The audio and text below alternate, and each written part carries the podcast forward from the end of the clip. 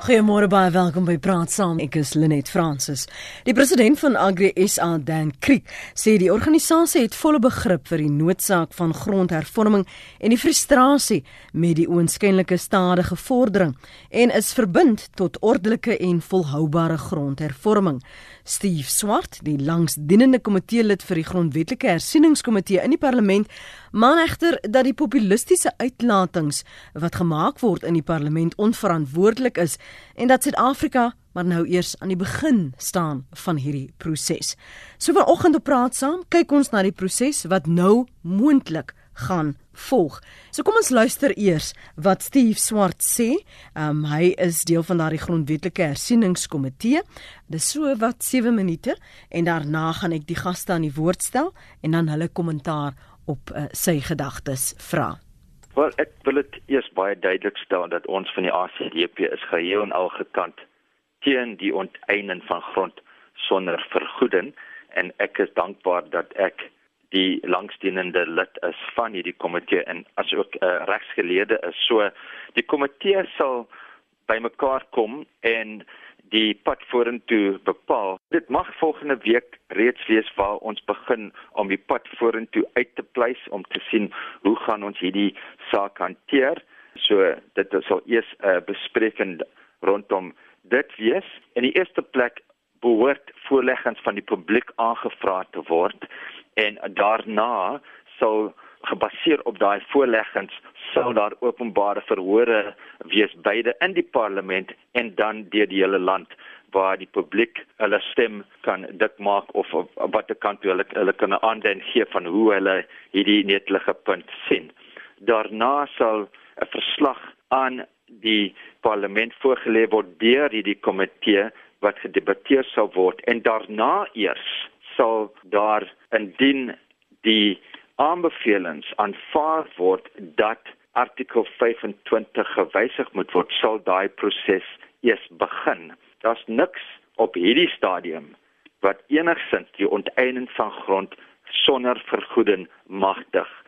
Dit sal eers kan geskied nadat hierdie proses deurgegaan het, asook indien enige aanbeveling en wysiging van die grondwet geskied en dit is op sigself 'n verdere proses wat na 31 Augustus sal geskied nadat hierdie verhore aangehoor word soos ek gesê het beide in die parlement en deur die land. Steve, wat sê artikel 25 op die oomblik?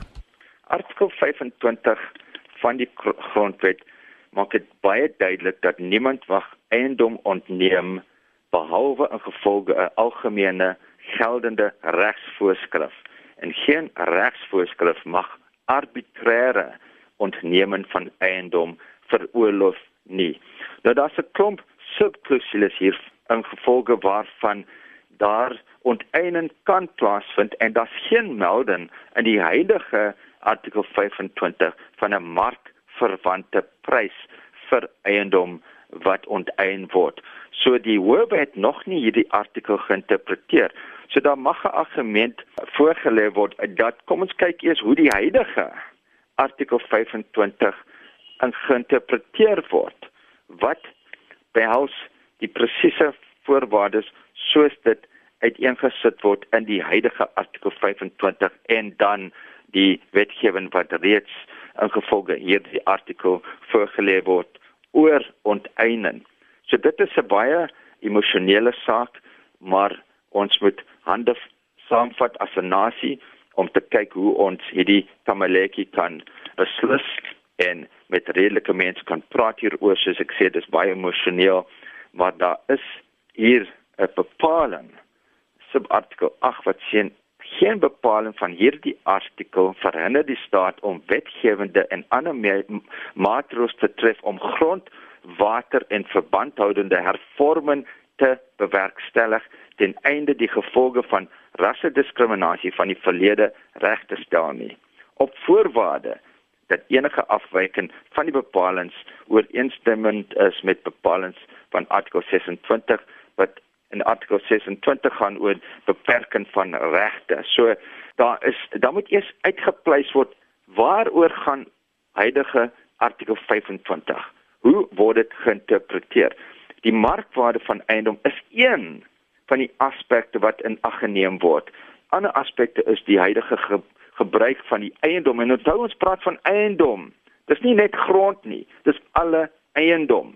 Alle eiendom.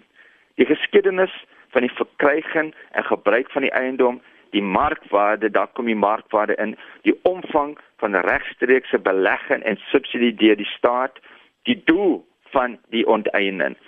En so daar is 'n klomp aspekte wat gekyk moet word.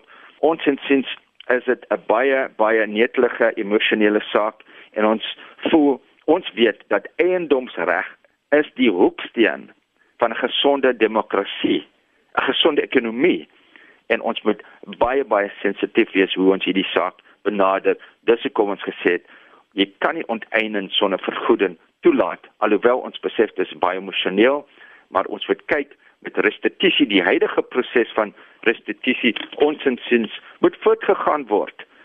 En dit is daar's probleme daar by die departement, daar's klomp probleme by korrupte staat. Kom so, dis 'n pad wat vorentoe gaan en ons moet dit stappie vir stappie neem. Daar is geen besluit hoegenaamd heidaglik soos vandag dat onteiening van grond sonder vergoeding mag plaasvind nie. Steve, my laaste vraag, die Suid-Afrikaanse grondwet word as een van die beste ter wêreld beskou. Uh, nou met die nuwe wysigings rondom artikel 25, moet jou gewone Suid-Afrikaner, jou RSG luisteraar bekommerd wees. Wel ons moet hierdie saak met baie gebed hanteer en aksie hanteer. Ons moet kyk wat sê artikel 25 heidaglik. Daar's baie baie regte en dit is baie sensitief opgestel destyds met Kodesa met uh, na die na die uh, grondwetlike uh, gesprekke toe daar ooreengekom is oor hierdie artikel. Daar is beslis beskerming van eiendom in artikel 25 maar daar is sekere voorwaardes ook wat geïnterpreteer moet word. Markwaarde van die eiendom is net een aspek daarvan. Daar moet ek dink ons moet moet moet hierdie saak hanteer as 'n goue geleentheid om hierdie netelige grondkwessie vir eens en altyd op te los. Ons moet wysheid dit hanteer en ons moet kyk wat is die huidige en hoe ons mekaar kan uithelp uit armoede en uit die emosionele sake waarmee ons nou sit. So ek dink ons moet wakker word om te sien hier is 'n aspek wat aangeraak moet word 'n diep aangeleentheid wat baie mense erg raak. Daar's baie pyn onder baie mense, maar daar is kan nie net 'n populistiese oplossing geskied soos in vandag dat die antwoord vir al die probleme is onteiening sonder vergoeding. Dit sal ons hele ekonomie in risiko plaas. Dit sal ons boere met voedselsekuriteit erg raak. Dit sal elkeen van ons raak want as dit vandag die blankes is dan wat is dit van môre? Is dit die Indiërs? Môre die Khoises se grond wat geneem kan word en dit kan ons nie toelaat nie Dit was die stem van Steve Swart, komitee lid langs dienende komitee lid van die grondwetlike hersieningskomitee in die parlement. Ons praat ver oggend oor hoe hierdie proses moontlik kan uitspeel, hoe dit werk. Hy het 'n paar uh, verwysings gegee van waar en wat moet gebeur, dat daar openbare vergaderings en sittings moet wees, voorleggings moet wees. Ons gaan nou-nou weer daaroor gesels, maar laat my toe om intussen ons gaste te verwelkom en dan aan jou voor te stel. Annelies Crosby is uh, hoof van die grondportefeulje by Agri SA. Goeiemôre Goeiemôre Annelies. Goeiemôre. En ons praat ook met professor Dirk Coetzee, hy is politieke ontleder verbonde aan Unisa. Goeiemôre professor. Goeiemôre almal, baie dankie. Steve Swart maan teen populistiese uitsprake. Hy praat van dit dit is 'n emosionele kwessie. En as ek net kyk na wat gesê word op sosiale media, um, dan raak ek ook bietjie ongemaklik want jy, jy sien dit kan baie maklik ons land skeur volgens kleurgrens. Hy praat van swart praat van 'n redelike gesprek hê. Kan 'n mens 'n redelike gesprek hê met die omstandighede, die sosiale omstandighede oor grond in Suid-Afrika op die, op die, in hierdie stadium professor? Ek dink die idee van grond is iets wat nie net landbou raak nie. Ehm um, as ons kyk na wat die afgelope paar jaar gebeur het, ehm um, en waar grond in baie in die nuus was en waar daar byvoorbeeld baie druk op grond was en grondbesetting selfs plaasgevind het, dan was dit hoofsaaklik in stedelike gebiede gewees. Dit waarby die EFF byvoorbeeld betrokke was, was in 'n groot mate was rondom informele nedersettings en waar daar uitbeweeg is of dit vir verder geneem is um, om informele nedersettings um, te vestig om of om dit te vergroot of vir mense om bloot blykplek te kan kry. So daar's ek dink daar's twee dimensies hier. Die een is is dit die meer stedelik georiënteerde druk op grond en dan die ander een is natuurlik dit van van die van die platteland en van landbou oor die ook oor die algemeen. En dis twee totaal uiteenlopende tipes van belange wat daarbey te sprake is. So ek dink ons moet versigtig wees om al die klem op die landbou situasie te plaas. Uh, want dit is nie die, die in die in die in die praktyk is dit nie die enigste plek waar daar ek dink baie fokus gaan wees nie. Om net 'n voorbeeld te gee, toe president Ramaphosa met sy sonna toespraak, sy staatsrede, verwys het na die aspek van grond. Um, en net toe het hy een voorbeeld gebruik en dit was 'n persoon wat in distrik 6 gewoon het wat ja. verwyder is van distrik 6 en nou op die Kaapse vlakte is en nie eintlik meer 'n huis besit nie. En die vraag wat aan ons almal gestel het, kan ons dit toelaat? So ek dink dit is is baie insiggewend dat dit die voorbeeld is wat hy gebruik het om die grondkwessie te probeer illustreer. So ek dink as 'n beginpunt gaan ons dus sien dat daar op verskillende gebiede of sektore in Suid-Afrika gaan ter sprake kom as as ons praat van grondhervorming grondhervorming of onteiening van van grond en van eiendom. Eiendom in 'n groter sin as bloot net mm. grond. Mm. Mm. En dat de, ons moontlik gaan sien wanneer daardie openbare verhore plaasvind in die voorleggings dat daardie soort groeperinge eh, die ruimte gaan gebruik om hulle verhale en hulle onteiening te deel? Ek dink so, ek dink ons gaan amper iets soos 'n waarheidskommissie op 'n sekere in 'n kleiner gaan ons rondom grond en die onteiening van grond en die toepassing van die groepsgebiede wet en van ander wetgewing van die verlede dit gaan ons sien in die rol wat selfs die tuislande gespeel het van kommunale grond. Dit is 'n ander aspek wat wat net onderkant die oppervlakte is um, en en baie ehm um, kontroversieel is. Ons het gesien die Ngonyama trust wat nou ja. vir die, vir uh, hoof vir Mangosuthu Buthelezi uiters emosioneel is.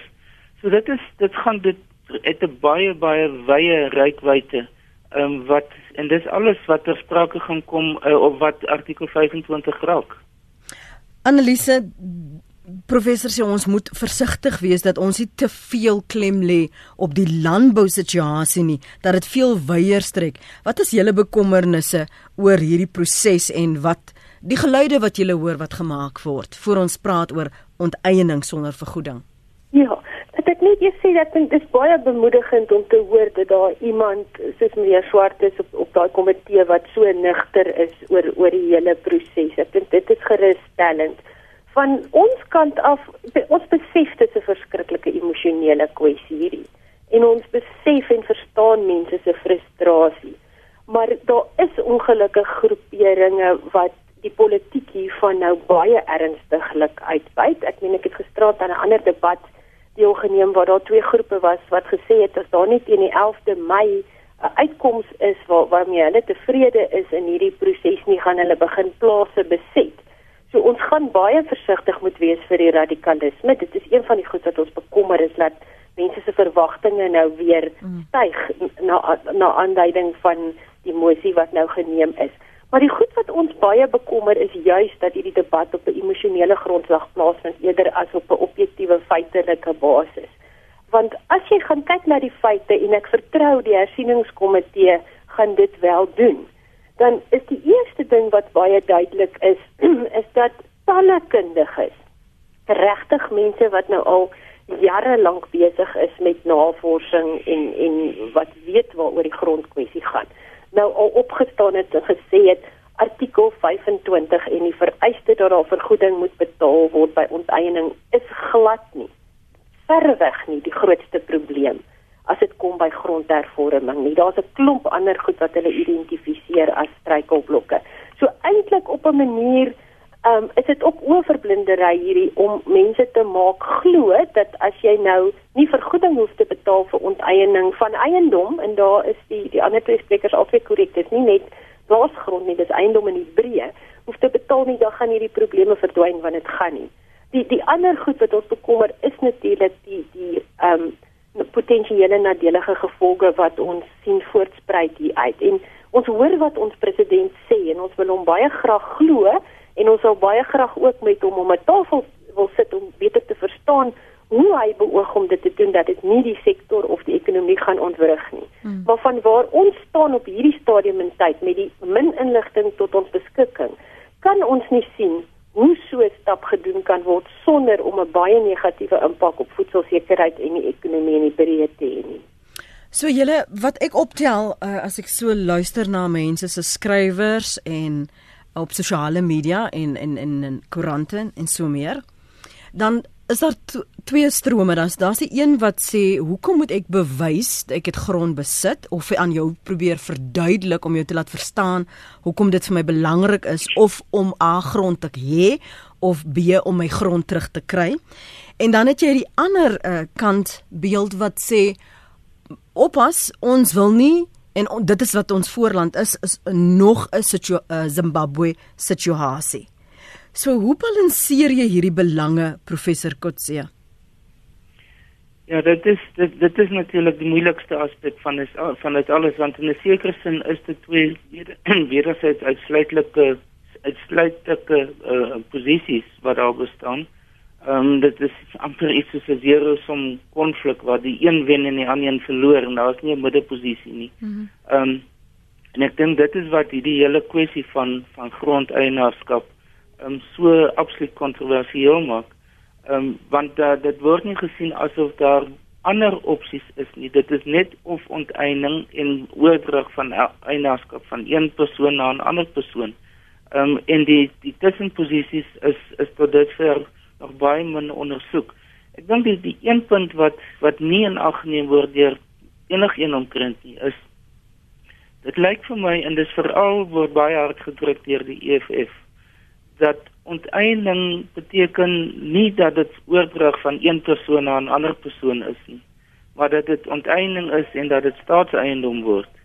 En dis wat ons in 'n groot mate die afgelope tyd gesien het met ook met ehm um, staats koop van van landbougrond en ander tipe van gronde eiendom en dat dit nie noodwendig oordrag was na nuwe boere toe nie na opkomende boere toe nie maar dat dit as staatseiendom behou word en dat dit eintlik op 'n wel dit nie so voorgestel word nie maar eintlik in 'n vorm van 'n huurpag aan boere oorgedra word vir 'n sekere tyd om te kyk of hulle sukses daarvan kan maak. So ek dink die openbare persepsie wat bestaan dat daar nou mense nou nuwe grond gaan kry en dat hulle besit daarvan kan neem en dat hulle kan doen wat hulle wil daarmee.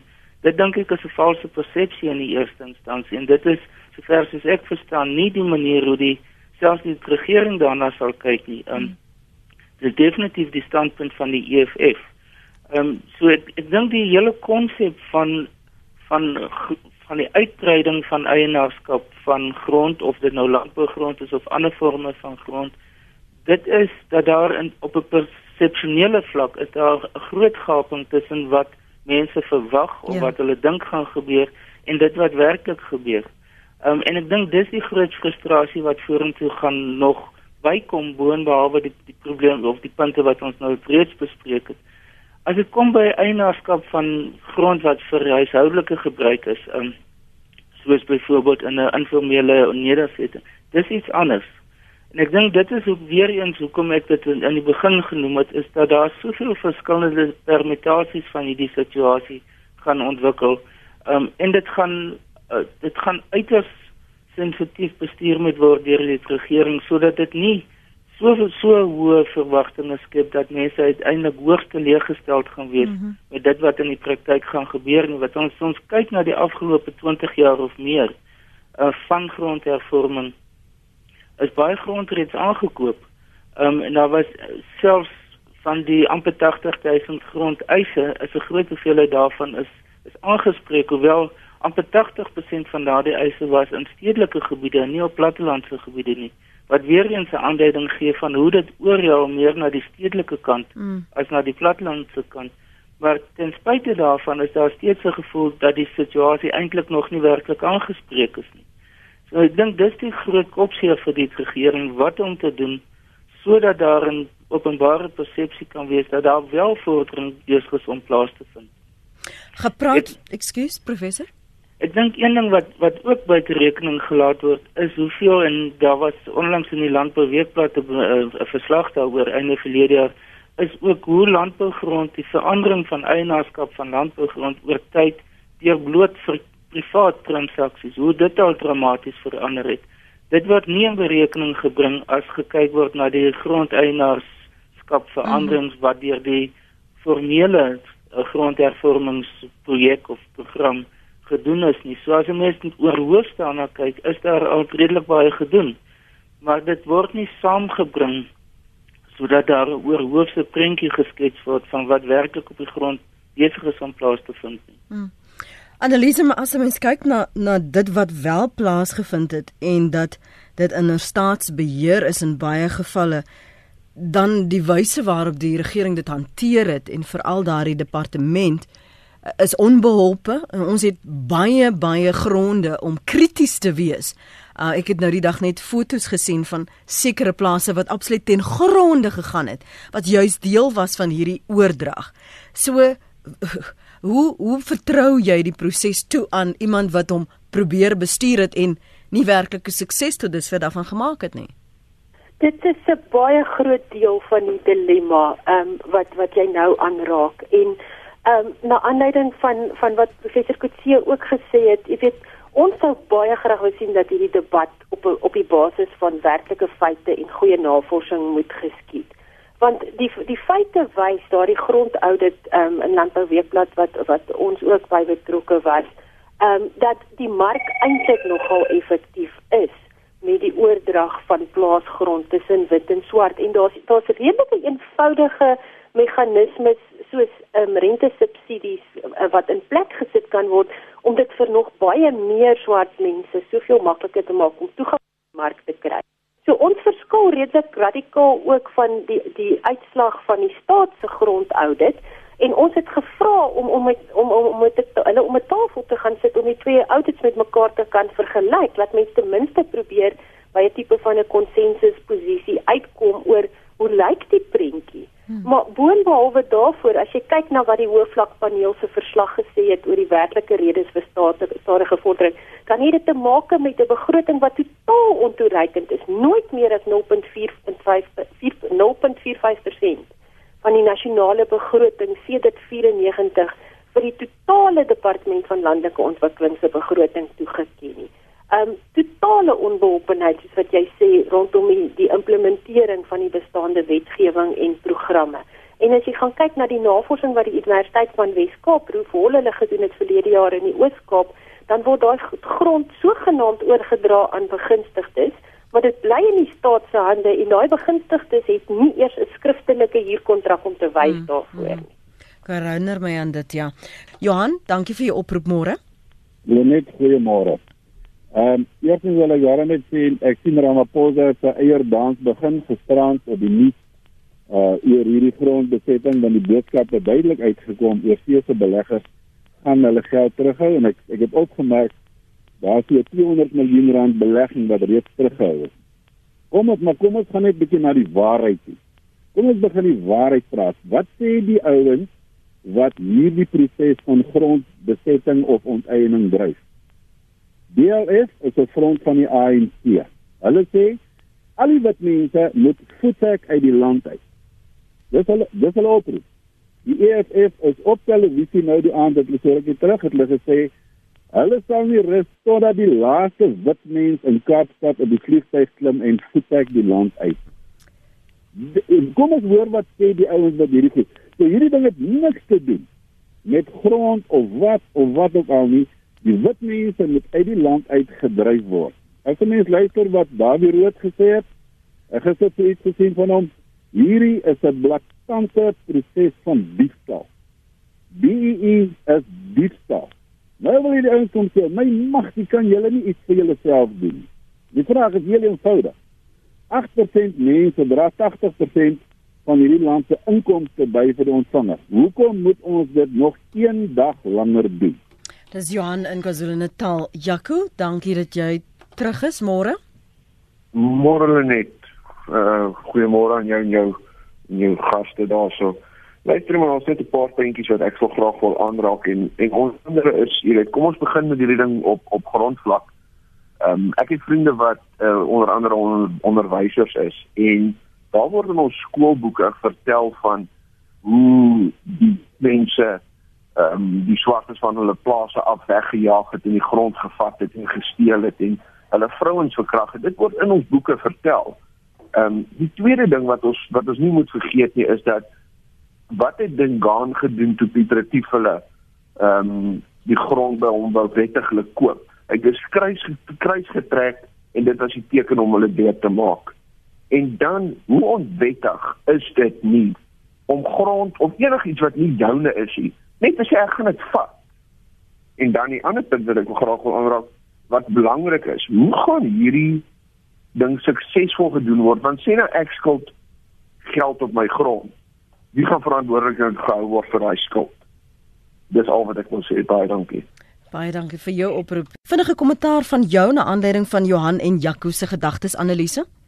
Weet jy ja, eh, wat wat nodig is is is nugterheid in hierdie hele debat, soos wat ek nou al gesê het en en dat ons bietjie moet probeer wegkom van emosie en dat ons moet fokus op die toekoms. Ek weet dit mense voel sterk oor die verlede en dis ook te verstaan, maar ek dink dit dit dien nie veel van 'n doel om te gaan delf in die verlede en te kyk wie nou wanneer waar wat besit nie.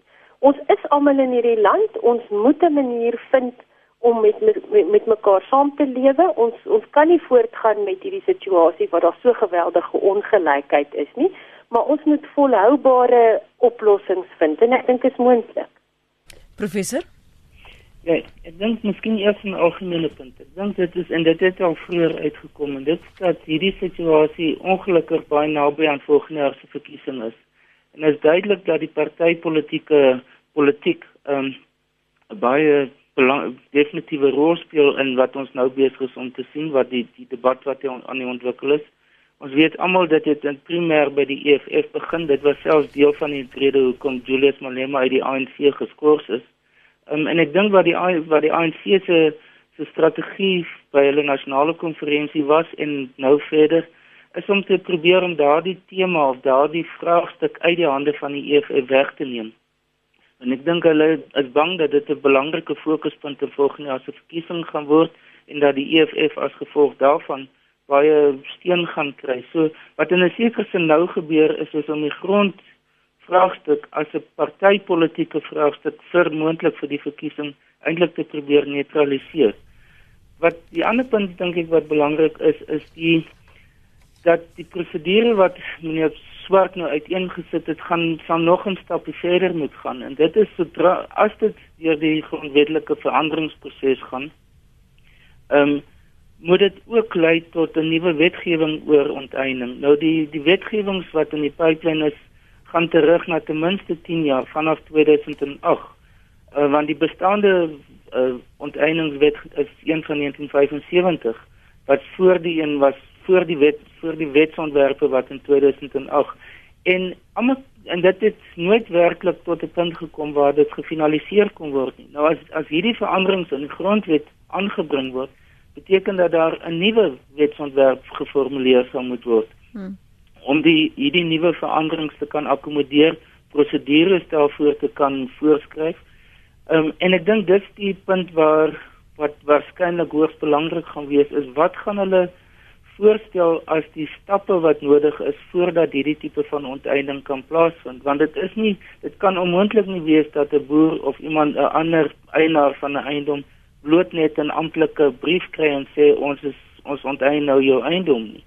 Ehm um, en die verskillende faktore wat in ag geneem moet word daarvoor hoe die eiendom geïdentifiseer moet word al daai kriteria dit sal hoogs waarskynlik uitgespel moet word. En ons weet dat die howe deesdae is baie krities oor administratiewe besluite. Ja. Besluite ook deur deur die ehm uh, selfs deur die wetgewer dat daardie besluite moet rasioneel van aard wees. Ons het gesien aan heelwat uitsprake nou oor die aanstelling van senior persone die die konsep rationaliteit kom elke keer te sprake. En my antisipasie is is dat dit ook op hierdie aspekte sprake definitief van toepassing gaan wees. So dit is dit gaan 'n baie meer regsgedetermineerde proses waarskynlik wees as wat ons op die oomblik dink. Die groot vraag is is of die regering en sy instellings dit kan beheer. Dat dit nie net uitbars soos wat dit in Zimbabwe en ander plekke gebeur het nie, want dit is die groot vrees natuurlik vir almal dat dit uh, net gaan neerkom op besetting van grond ongeag wat die wetlike en die formele prosesse is wat ons sprake is. Mm. Die een ding wat, ekskuus professor, um, jammer om dit te onderbreek. Een ding wat wat duidelik uitgekom het na aanleiding van uh, meneer Swart, Steve Swart se se opsomming van wat moet gebeur, is dit dit klink vir baie mense dat dit sommer nou oornag gaan gebeur, maar dis 'n proses. Dis 'n proses wat selfs daardie stappe waarna jy verwys het, maar die grondwet en wysigings daaraan moet ook nog 'n proses wees. Ja, dit is en en ons weet almal dit moet dit word vereis 'n 2/3 meerderheid in die uh, in die uh, parlement. Um, en dan is die vraag wat uh, wat ek nie 100% uh, duidelikheid oor het nie is of die oorspronklike grondwetlike beginsels van 1993 wat die basis was van die huidige grondwet en wat deur die grondwetlike hof gesertifiseer moes word en wat aanvanklik terugverwys is na die konstitusionele vergadering omdat hulle nie aan almal voldoen het nie of dit weer ter sprake gaan kom in hierdie geval. So dit dit gaan 'n interessante regs of 'n 'n konstitusionele regsdimensie wees wat uh, die kenners op daardie gebied net baie beter sal weet wat dit wat die moontlike gevolge daarvan sal wees. So daar is 'n groot klomp formele regtelike ehm um, implikasies hiervoor wat wat baie baie tyd kan neem. So maar ek, ek dink die beginsel is nou deur die ANC gevestig. Ehm um, en dit is dat hulle self uitgespreek het en dit maak die partytetiese debat in 'n sekere sin net nou dit ten gunste van hulle gedraai. Mm. Annelise Ek dink die die professor opper 'n baie interessante punt oor die grondwetlike beginsels en my mening is dat dit definitief ter sprake gaan kom, maar boonbehalwe daarvoor, ehm um, dink ek gaan die internasionale mensereg ook sprake moet kom. Ehm um, want want jy weet in in ons grondwet word daar redelike gewag gemaak van die rol wat internasionale menseregte handveste soos die die Verenigde Nasie handves en die Europese handves en die Afrika handves speel. En al daai handveste gee erkenning um, aan die beskerming van eiendomsreg. So as as ons nou op 'n roete is waar ons dit uit ons grondwet wil uitskryf of afwater, um, dan is 'n ou eintlik uit uittrek uit met daai beskerming wat verleen word. Annelise, met so baie water wat nog in die see moet loop omdat daar soveel onduidelikhede is. Uh, plaas ons op die oomblik te veel op onteiening in terme van landbougrond? Ja, want dit is een van die onduidelikhede wat daar bestaan, maar maar eiendom is eiendom en is eintlik 'n baie baie konsep. So dit sluit op hierdie stadium wat my aanbetref enige eiendom in, selfs intellektuele eiendom en aandele op die aandelebeurs ensovoorts. So ons weet nie of daar spesifiek in die wysigings nou 'n fokus gaan wees net op op op landbougrond nie. Ek dink dit sal moeilik wees om dit te regverdig. Ehm um, maar ja, ek dink op op hierdie stadium is daar dalk te veel fokus op landbougrond spesifiek. Koos is op Middelburg en dan na gaan ons na Johan Belfast. Koos? Goeiemôre. Môre Koos. Uh, net my vraag is net uh, is dit moontlik om in 'n staat wat homself 'n regstaat noem en ook beskaafd noem 'n mens se eiendom wat hy gekoop het of geërf het net eenvoudig te gaan vat. En my groot my groot bekommernis is die verwagtinge wat hierdie wat hierdie wat hierdie affære nou geskep het. Dit na my mening het die potensiaal om anargie en chaos in ons land te veroorsaak. Ek is diep bekommerd oor hierdie saak. Dankie vir jou mening daar Koos en Johan, goeiemôre. Môre almal. Lenet, iets interessants uit ons uh verlede uit van wat in die verlede wanneer daar 'n padbou deur plase gegaan het destyds en jy weet daai 'n uh, uh, uh, nasionale pad is nog afstammelik breed. Die mense in daai tyd, ek weet nie of hulle vergoed was nie, maar dieselfde emosies as wat ons nou ervaar, het daai jare dis net interessant en dan is daar net een klein dingetjie. Hierdie tot nou toe weet ons van die onteiening en baie van die eiendomme was onteien tot nou toe. Maar het net een sinnetjie bygekom en dit is sonder vergoeding. Jy weet die die hierdie hele boei gaan oor son, uh, sonder vergoeding. Waarom sou dit wees? Ons regering sit met uh, miljarde rand wat hulle so kan die mense kompenseer en almal is 'n bietjie beter tevrede. Maar dit kom daarop neer as jy 'n boer nou of 'n landbouer dan as jy hom vergoed dan beteken dit hy vat daai geld en hy gaan sit op die dorp 'n bietjie en hy wag dat daai ou flop maak op sy plaas gaan gaan koop en weer terug. Jy sien ek dink dit is waarom want daar moet tog 'n rede wees. Uh uh dit is tog verantwoordelike mense in ons parlement. Hulle sal tog nie sommer net kom vir vergelding sê nee nou vat ons jou grond sonder en en dis tog nie dat uh Suid-Afrika so arm is dat ons nie kan kan uh, dit doen nie en dan van my laaste punt is dat hierdie black first wat ook al hulle hulle stuur nou as die media dit reg interpreteer reg gerapporteer het hulle stuur nou die mense om te gaan moles maak op die plase en uh, dis oorlog joh as ouens hier by my wettig kom en die regering sê jy gaan sit daar dan is dit dan bietjie anderster as black first wat nou die mense stuur om te gaan moles maak. En ons moet besef die mense wat so toe gaan gaan nie in vrede nie want daai black first of wat ook al die het my gestuur om te gaan moles maak. En dit gaan oorlog. Ek wil net graag jou gaste se se mening hoor oor hierdie baie dankie. Baie dankie Johan. Nou Koos praat van sekerlik sekerlik sal dit redelik en regverdig wees. Jy kan nie onregverdig wees. Jy kan nie net gaan en iemand se grond of eiendom gaan vat nie. Ehm um, da dis sy bekommernis. En om terug te verwys na die argumente wat ek op die oomblik lees daar is die wat voel maar dis presies wat met ons gebeur het. In Constantia in ehm um, op Wellington distrik 6 en ander wat wat gebeur het en die die scenario was anders maar die beginsel wat goed gedoen het en en en mense kon nie reageer nie. Nou sit ons in 'n demokrasie professor en ons probeer anders optree. Ons begin probeer volgens beginsels van regverdigheid en gelykheid optree. En nou sê Johan, hy's vir hom 'n klemverskuiwing want grondeiering het nog heeltyd plaasgevind, maar nou sit sonder vergoeding. Is daar 'n klemverskuiwing en hoe ons wat die gewone man op straat is na hierdie gesprekke luister en dit probeer verstaan? Hoe navigeer ons ons eie pad?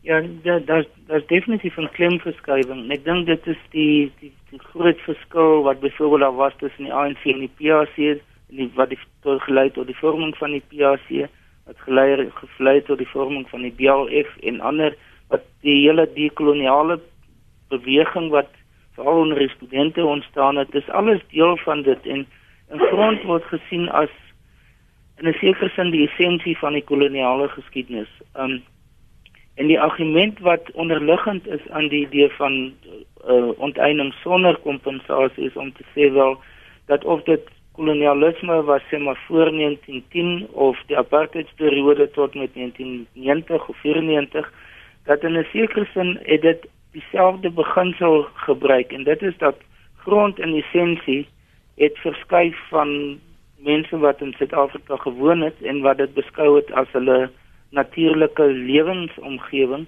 na uh, mense wat van buite aangekom het as die verskillende koloniale groeperings um, en dat dit op 'n manier wat nie regverdig was nie as die grond weggeneem of oorgeneem um, en dat om dit nou dat daardie proses in 'n sekere sin voor te om kompensasie daarvoor te betaal is beteken dat dit eintlik op 'n manier geregverdig word wat dit in wat in die verlede plaasgevind het. Dis wat van die filosofiese argument wat gespreek is. Hmm. Um, en omdat gesê word as daar as as 'n mens betaal vir grondregte wat herstel word, maar jy moet daarvoor betaal beteken dat jy dit eintlik legitimeer wat wat in die verlede gebeur het.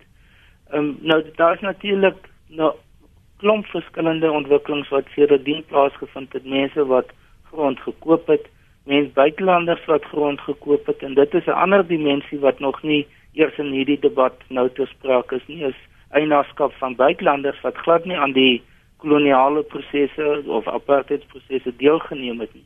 Um en wat eienaarskap of mense wat nou baie onlangs grond gekoop het of plase koop of of of eiendom in die algemeen koop.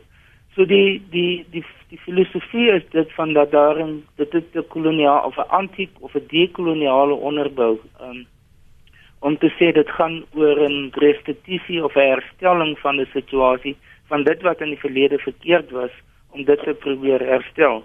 Dis hoekom ek dink iets soos die voorbeeld van distrik 6 is iets is iets wat baie mense sal kan verstaan. Is is dat mense inwoners van distrik 6 wat geen keuse gehad het nie, hulle is gekonfronteer met 'n situasie en hulle is verskuif dat daar een of ander vorm van nie net finansiële kompensasie vir hulle moet wees nie, maar dat daar 'n historiese korrigering moet wees om plaas te vind.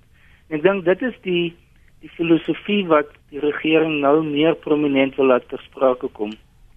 Maar hoe om dit uit te balanseer met bloot finansiële belange wat oor tyd ontwikkel het, soos byvoorbeeld die banke. En ek dink die banke is een groot belangrike faktor wat hier ter sprake gaan kom en wat waarskynlik in sommige gevalle meer direk die Suid-Afrikaanse ekonomie gaan raak as die produksievermoë van die landbousektor in die algemeen. Want as as banke begin pro probleme ontwikkel, wel dan affekteer dit die hele ekonomie. Ehm um, en die banke het 'n baie groot finansiële um, belang in in die landbousektor. So dit is die aspekte wat ek dink uitgebalanseer gaan moet word in die toekoms om te be te te verhoed dat daar werklik 'n negatiewe impak op die ekonomie gaan wees. Maar terselfdertyd dink ek baie mense maak die punt dat hulle verstaan die filosofie agter hierdie proses en dit is dat daar in die verlede as dit kom by eienaarskap van of 'n uh, residensiële of landbougrond of enige vorm van grondeienaarskap dat daar groot foute gemaak is en dat daardie foute herstel moet word. Annelise, jy het die laaste woord vir oggend. Dit is 'n moeilike gesprek om te hê. Ek dink Steve Swart het dit ook benadruk dat dit is maar die begin van 'n langer proses. Hoe gaan ons almal aan boord kry om oor eensstemming te praat oor wat is die vertrekpunte en wat sal julle graag daar by Agri SA en jy as hoof van grondportefeulje wil sien moet gebeur? Weet jy ja, dit is regtig 'n baie diep liggende probleem en my my mening is dat dit eintlik nie regtig gaan oor die geld en die vergoeding nie. Ek dink daar daar is diep sielkundige wonde wat ook op 'n manier aangespreek moet word. Want die geld waarvoor ons praat is waarskynlik nie sulke groot geld nie. Ehm um, so ons gaan ons gaan moet prosesse aan die gang sit. Ehm um, jy weet wat daai aspek ook aanspreek. Maar maar ek dink jy weet ons almal 'n belang daarin dat hierdie land moet bly voortbestaan dat daar nog 'n plek vir ons kinders moet wees om te lewe en ons het nie keuse anders as om te gaan sit en nugtere oplossings te kry vir hierdie moeilike emosionele kwessie om die land vorentoe te vat. Baie baie dankie vir julle tyd vanoggend hier op Praat Saam. Waardeer julle insette. Uh, professor Dirk Coetzee, politieke ontleder verbonde aan Unisa en dankie ook vir jou beskikbaarheid. Annelise Crosby, hoof van grondportefeulje by Agri SA.